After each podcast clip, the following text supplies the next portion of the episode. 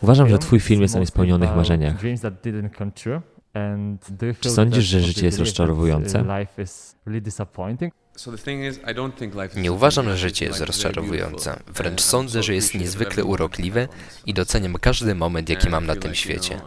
No i wiesz, wierzę, że jesteśmy połączeni ze wszechświatem i życie jako takie jest drogą, którą każdy z nas musi przejść. To piękne, że jesteśmy nim obdarzeni. Uważam, że dobrze jest być istotą ludzką. To, że doświadczamy życia na tak różne sposoby. Myślę, że największą stratą w życiu jest marnowanie czasu. Niestety większość ludzi nie korzysta z danych im chwil. Właśnie to próbowałem przekazać w swoim filmie. Mam nadzieję, że gdy ludzie go zobaczą, spojrzą na swoje życie i zastanowią się, czy wykorzystują je tak, jak mogą. Ludzie boją się żyć pełnią życia, a właśnie w tym rzecz, że nie powinniśmy się bać, że powinniśmy czerpać garściami z tego czasu, który nam dano. To właśnie próbuję przekazać w swoim filmie. Wszyscy bohaterowie są z małego, konserwatywnego miasta. W takim środowisku często podąża się ścieżką, którą nam się narzuca. W momentach, w których staramy się odejść od schematu, próbujemy czegoś innego, doświadczamy życia na inny sposób, obawiamy się, bo myślimy o tym, co ludzie o nas pomyślą. Boimy się, że inni będą patrzeć na nas z góry. Przez to też często zostajemy na wyznaczonej nam drodze, co jest przykre, bo pewnego dnia umrzemy ze świadomością, że nie żyliśmy takim życiem, jakim byśmy chcieli.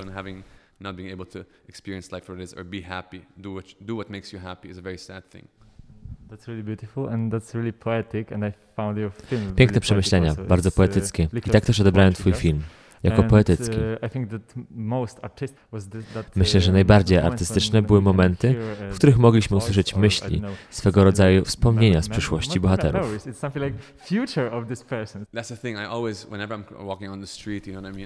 Idąc ulicą, mijając ludzi, nie zastanawiamy się nad tym, kim są. Dla nas to po prostu przechodni. Mamy tendencję do zapominania o tym, że to osoba z własnymi trudnościami, celami, lękami, pożądaniami, marzeniami. Że ta osoba przeszła tak wiele i jeszcze wiele doświadczeń przed nią. Zawsze widziałem to w innych i kocham ludzi. Siedząc teraz naprzeciwko ciebie, nie postrzegam cię tylko jako kogoś, z kim rozmawiam. Jesteś osobą, masz swoje zmartwienia, masz swoje dziwactwa, masz swoje zachowania i to jest piękne. Te wszystkie rzeczy składają się na to, kim jesteśmy. Kiedy główny bohater idzie do prostytutki, zauważa tą złożoność. Ta historia była oryginalnie scenariuszem. Potem jednak pomyślałem, że skoro główny bohater spojrzał na prostytutkę jako kobietę, matkę, siostrę, człowieka, również należy spojrzeć z takiej perspektywy na innych bohaterów, pokazać także ich historię, nie tylko jej.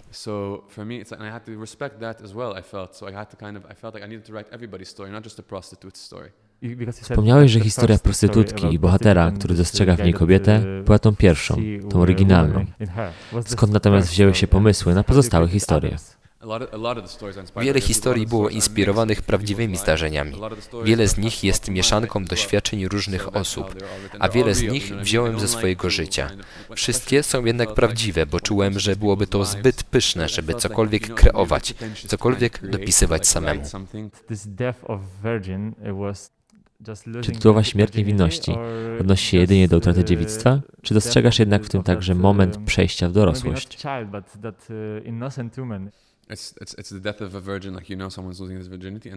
To jest zarówno śmierć niewinności jako dziewictwa, ale i utrata niewinności u osoby, która nie tylko po raz pierwszy uprawiała seks, ale też pierwszy raz została spoliczkowana przez życie.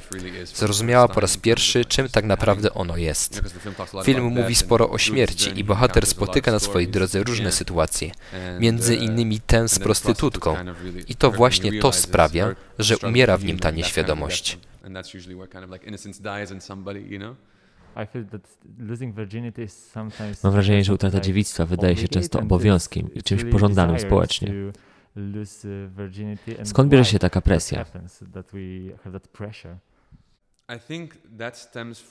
Myślę, że szczególnie w takim państwie jak Liban, o którym mogę mówić ze własnego doświadczenia, bierze się to z tego, że jest to niezwykle konserwatywny kraj, który jedynie z pozoru wydaje się być otwartym.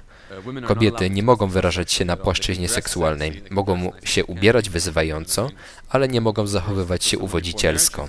Jeśli kobieta prześpi się z kimś przed ślubem, jest z góry uważana za puszczalską. Oczywiście ludzie sypiają ze sobą, ale jest to temat tabu. Dlatego też młodzieńcy idą do prostytutki, bo wiedzą, że w innych krajach w wieku około 18 lat masz już dziewczynę lub chłopaka, ufacie sobie, kochacie się i podejmujecie decyzję, żeby pójść do łóżka i dzielić się sobą. W Libanie, gdzie seks jest tabu, takie sytuacje nie występują, co nie jest takie proste i prawie każdy ma swój pierwszy raz u prostytutki. Rzadko kiedy bywa inaczej. Wynika to z presji, presji społecznej. Załóżmy, że przychodzą do ciebie i mówią, byliśmy w zeszłym tygodniu. Też byłeś? Nie? To weźmiemy cię ze sobą. Jeśli powiesz nie, wiadomo co to znaczy. Będziesz tym, który odmówił. Będziesz uważany za strachliwego frajera albo geja i będziesz to przeżywał. Ale gorsze jest to, że jeśli pójdziesz z nimi, zostanie to z tobą do końca życia. Co było największym wyzwaniem podczas reżyserowania śmierci niewinności? Największym wyzwaniem było robienie tego filmu bez budżetu. Trudno jest zdobyć pieniądze na pierwszy film, gdy nikt nie wie, kim jesteś. To było głównym problemem, ale na swój sposób było to też piękne, że byliśmy w stanie wyprodukować go niskobudżetowo. Wszyscy pracowali za darmo. Film kosztował 10 tysięcy dolarów. Niesamowite było to, że przy tworzeniu tego filmu było tyle miłości. Zespół 40 osób, naprawdę dobrych, świetnych techników, najlepszych z branży filmowej w kraju. Wszyscy wierzyli w ideę stojącą za filmem i gdy zobaczyli aktorów na próbnych materiałach, pokochali także ich i uznali wtedy, że w to wchodzą. Wracając, brak funduszy wymusił na nas pośpiech i poświęcenie wielu pomysłów, na które nie było nas stać, ale uważam, że ta przeszkoda uczyniła ten film takim, jakim jest.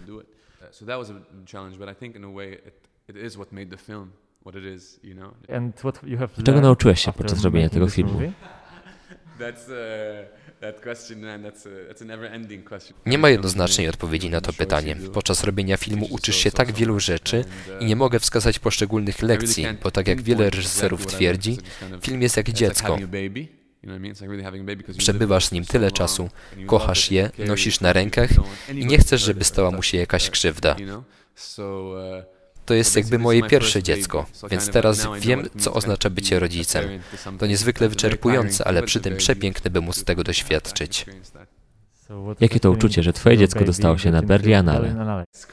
To niesamowite. To był debiut zarówno mój, jak i producenta, więc nie mieliśmy żadnych znajomości, nikomu się nie polecaliśmy. Po prostu zgłosiliśmy się przez stronę. Wiesz, jak to zazwyczaj jest. Dobrze jest tam kogoś znać, kogoś, kto zaproponuje kuratorom, żeby zwrócili uwagę na ten film. My tego nie mieliśmy. Po prostu wypełniliśmy formularz, graliśmy film i wcisnęliśmy wyślij. I co niebywałe, dostaliśmy się. Dostanie się na największy festiwal zmieniło moje życie i otworzyło mi furtkę do wielu miejsc. I gdyby nie to, nie byłoby mnie teraz tutaj. Jestem za to wdzięczny.